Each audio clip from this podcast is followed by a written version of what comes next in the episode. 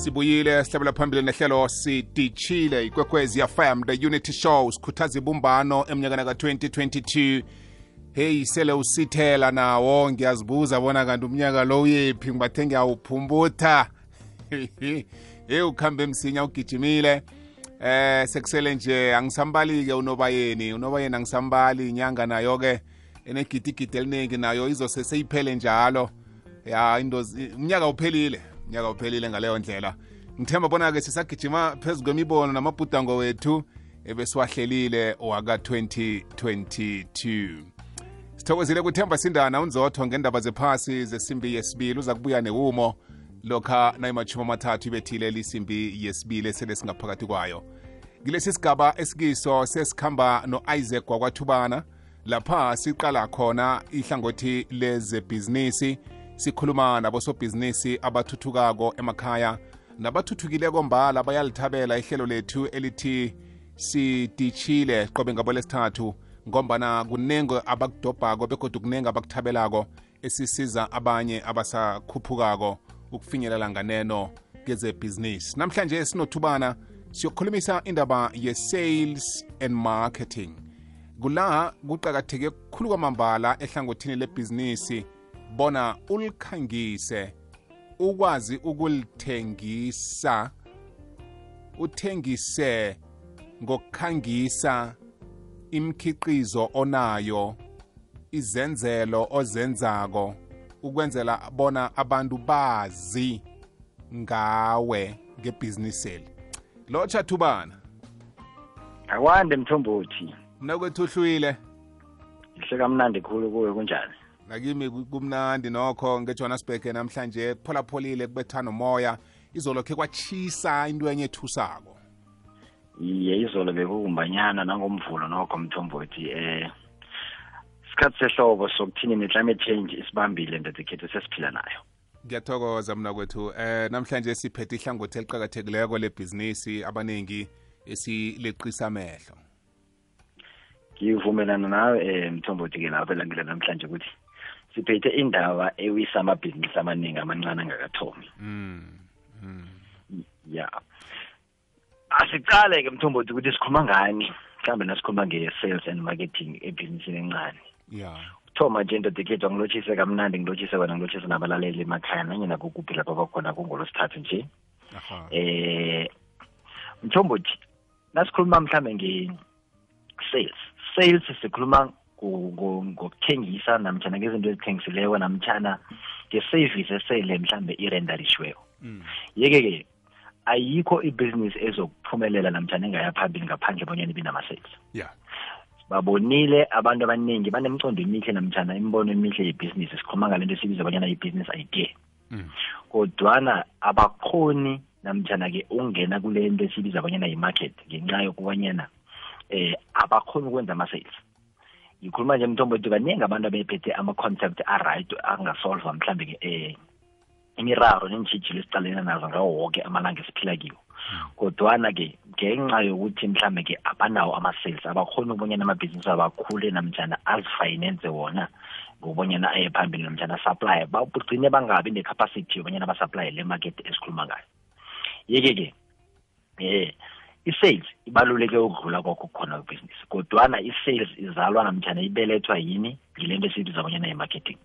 ayikho isales eyoba khona ngaphandle bonyana ukhangise namtshana ngaphandle bonyana umakethe namtshana ngaphandle bonyana eh abantu bazi ngeproduct yakho ngokuthi ubazise yona ngehlelo le-marketing yeke ke ukumaketha yini ukumaketha ama-customer kunanyana kuyini ongakwenza ukuheha namtshana ukudosa ama-customer bonyana athenge lo mkhiqizo owenzayo namtshana le product oyinzawo namtshana oyithengisako ngileyo imarketing yeke-ke baningi abantu aba aba aba abakhona abathengisayo abangayenziko i-marketing kodwana bona bacabanga ukuthi bayenza mm, mm, mm.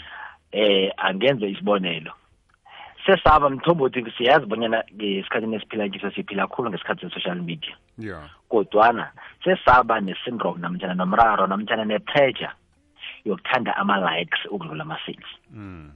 mm. sinomraro lapho ukhona ukuthola khona umuntu avuke ekuseni athathe isithombe asithathe asifake ku-social media for asifaka bekatsho athi hayi namhlanje ngiyangena ku-thousand like mm. so ngokuthi um eh, athole ama-thousand like umuntu uyakhona ukulala ubuthongo ubusuku kube right mm. kodwana akana-sales ayenzile yona yinye heyi heyi heyi buyelela thubani utheni ngithi mina umuntu ujabulela ukuthola ama-like ayi-thousand mm. kodwana angabi ne-sales nayinye namtshana angathengisi namtshana angabi ne-order nayinye hmm. Hmm. so lokho kukodwa kusiyela ukuthini kusiyela ukuthi wena ucabanga ukuthi wenza i-marketing ku-social media kodwana um akusiyi i-marketing ngombani isikhathi esiningi lokho amthombo uthi kubangelwa yini kubangelwa ukuthi simakhetha eh mhlambe ke emarketini erong mhm. angenza isibonelo mhm.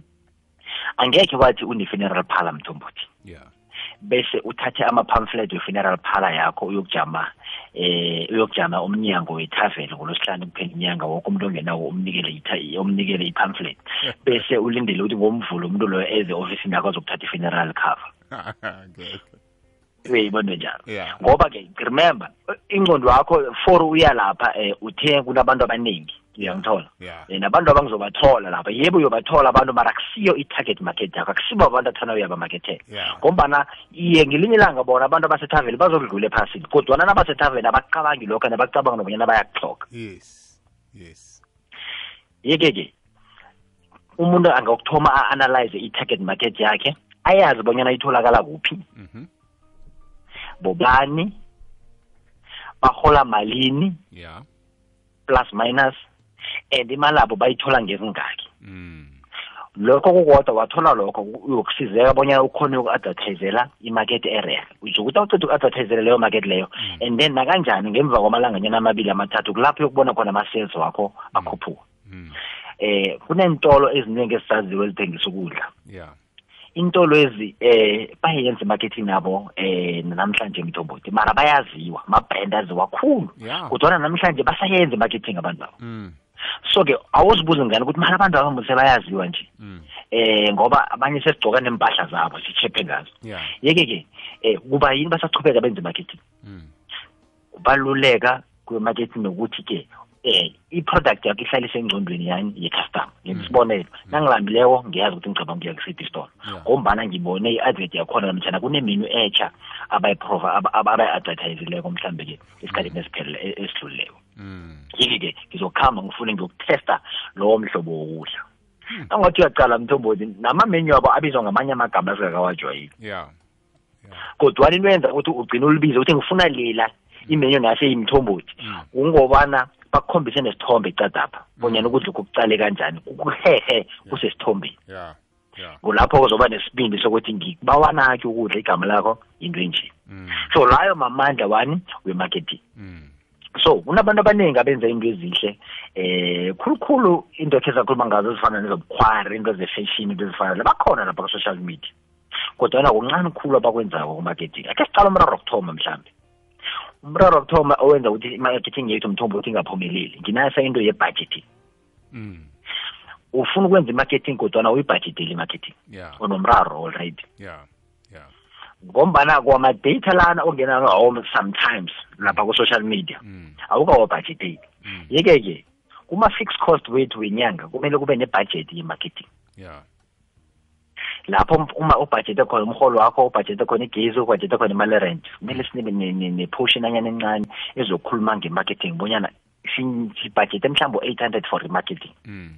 then waba nebhajethi uyoqala-ke indlela ongazi-afforda ukumaketha ngale budget yakho encane onayo mm. as a small business mm.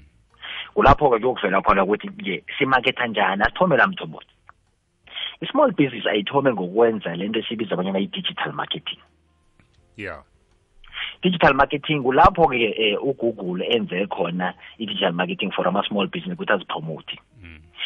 kulapho uzokuhloga khona into efana ne-website uzokuhloga khona into efana ne-email eh uzokuhloga khona mhlambe-ke um ne-high quality photos mm. and high quality videos ngoba yeah. ngezinye izinto esizi-underminako lezo mm. kodwana ngizo izinto eziletha namtshana ezenza eh ezidrawa i-attention yama-client wethu ukuze akhone ukuthanda lezi zinto esizithengisako mm. mm. wow. so eh mthombothi mhlawumbe sengiswaphelise i-digital marketing imahhala kulapho ukhona nokulocata ibhizinisi yakho nasisho ukuthi ibhizinisi kamthombothi yini igama layo mhlawumbe-ke um isiyabonga enterprise ngiyokuhamba ngikugoogle ngibhale siyabonga enterprise ikhone ukungisusa la ngikhona kwangalesi sikhathi eh ngiyokufika lapho nge-google map mm. digital marketing ngokuba khona online lokho kwamambala thubana ngibambela njalo kancane sithengise siyabuya zindaba eziqakathekileko u-isaac thubana zikhulumisako ngiyakhola ukuthi uyatlolahlola phasi uthatha ama-notes siyeza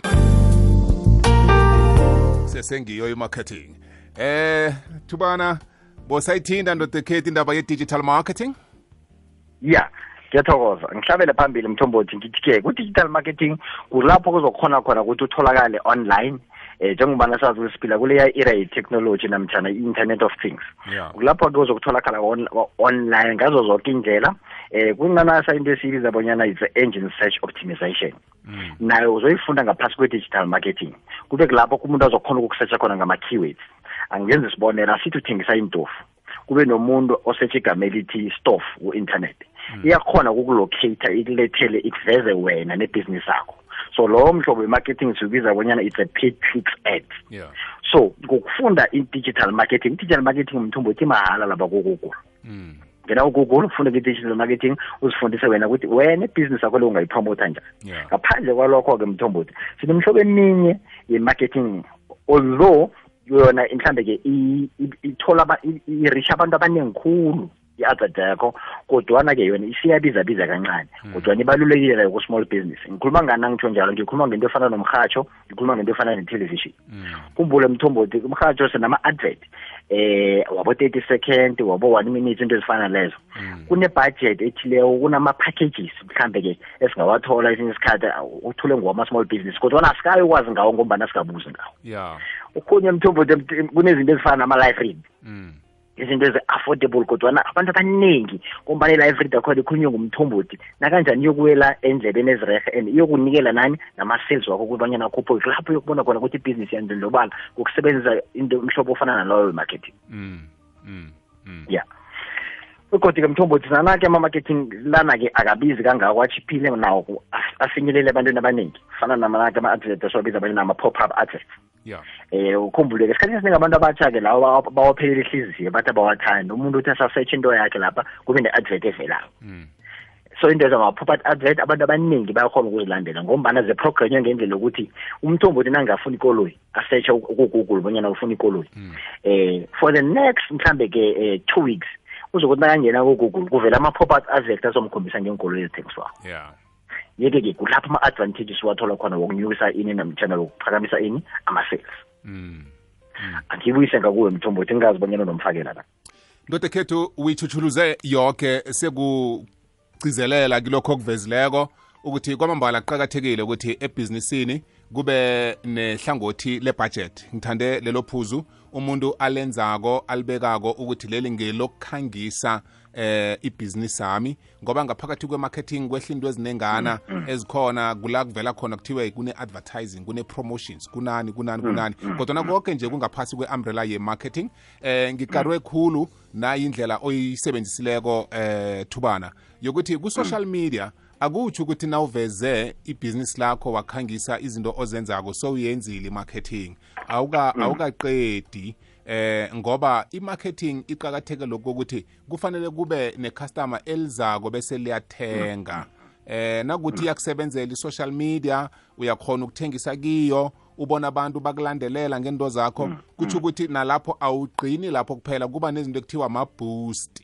eh mm, ku-social mm, media mm. uyayiboosta-ke mm. ibhizinisi yakho uyayiboosta ipage yakho mm. ukwenzela ukuthi ifinyelele nebantwini abakude nawe ingapheleli kilaba bangani ochomene nabo eh ku-social mm. media ngezinye zezinto lezi ezicakathekileko engicabanga ukuthi nasebenzisa ihlelo lokuzikhangisa ku-social media fanele sizazi ukuthi zifanele nazo sibe sibe nazo ngale kwalokho-ke mm. eh thubana ngakwelami ihlangothi angiboni ukuthi ngizabe ngisayona ndoda ekhethu eh ngithokoze kukhulu kwamambala ukuthi uveze ihlangothi elifana leli manje bakulandelaphi mhlawumbe abafuna ukuzibuzela ngikhona mthombozi lapha ku-instagram ngingu-ad isaac thubane nakutwitter ngingu-ad isaac thubane um eh, bangangihlolela ne-email i-email address yami ithi isaac thubane at gmail dot com isaac thubane at gmail dot com umthombo othi kunomakhe engakhuluma naye angithinte lapha ku-instagram sakhe sakhuluma ukhumbula ukhumbula kuhle ngendaba yama-rabbits ukufuya ama-rabbits ya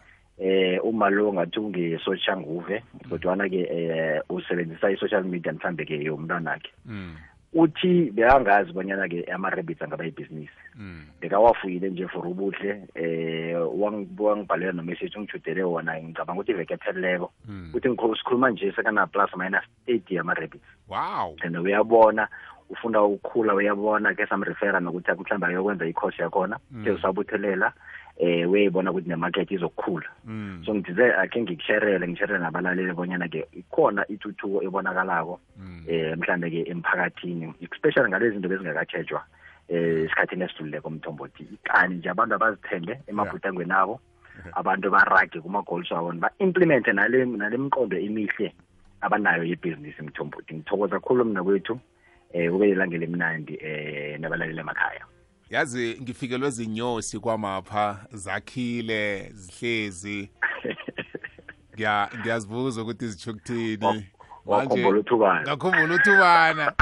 ke ke ke ke ngacala cala nentodlwaneni zeng-overall zokubamba inyosi manje i-overall wami le iseza ukorea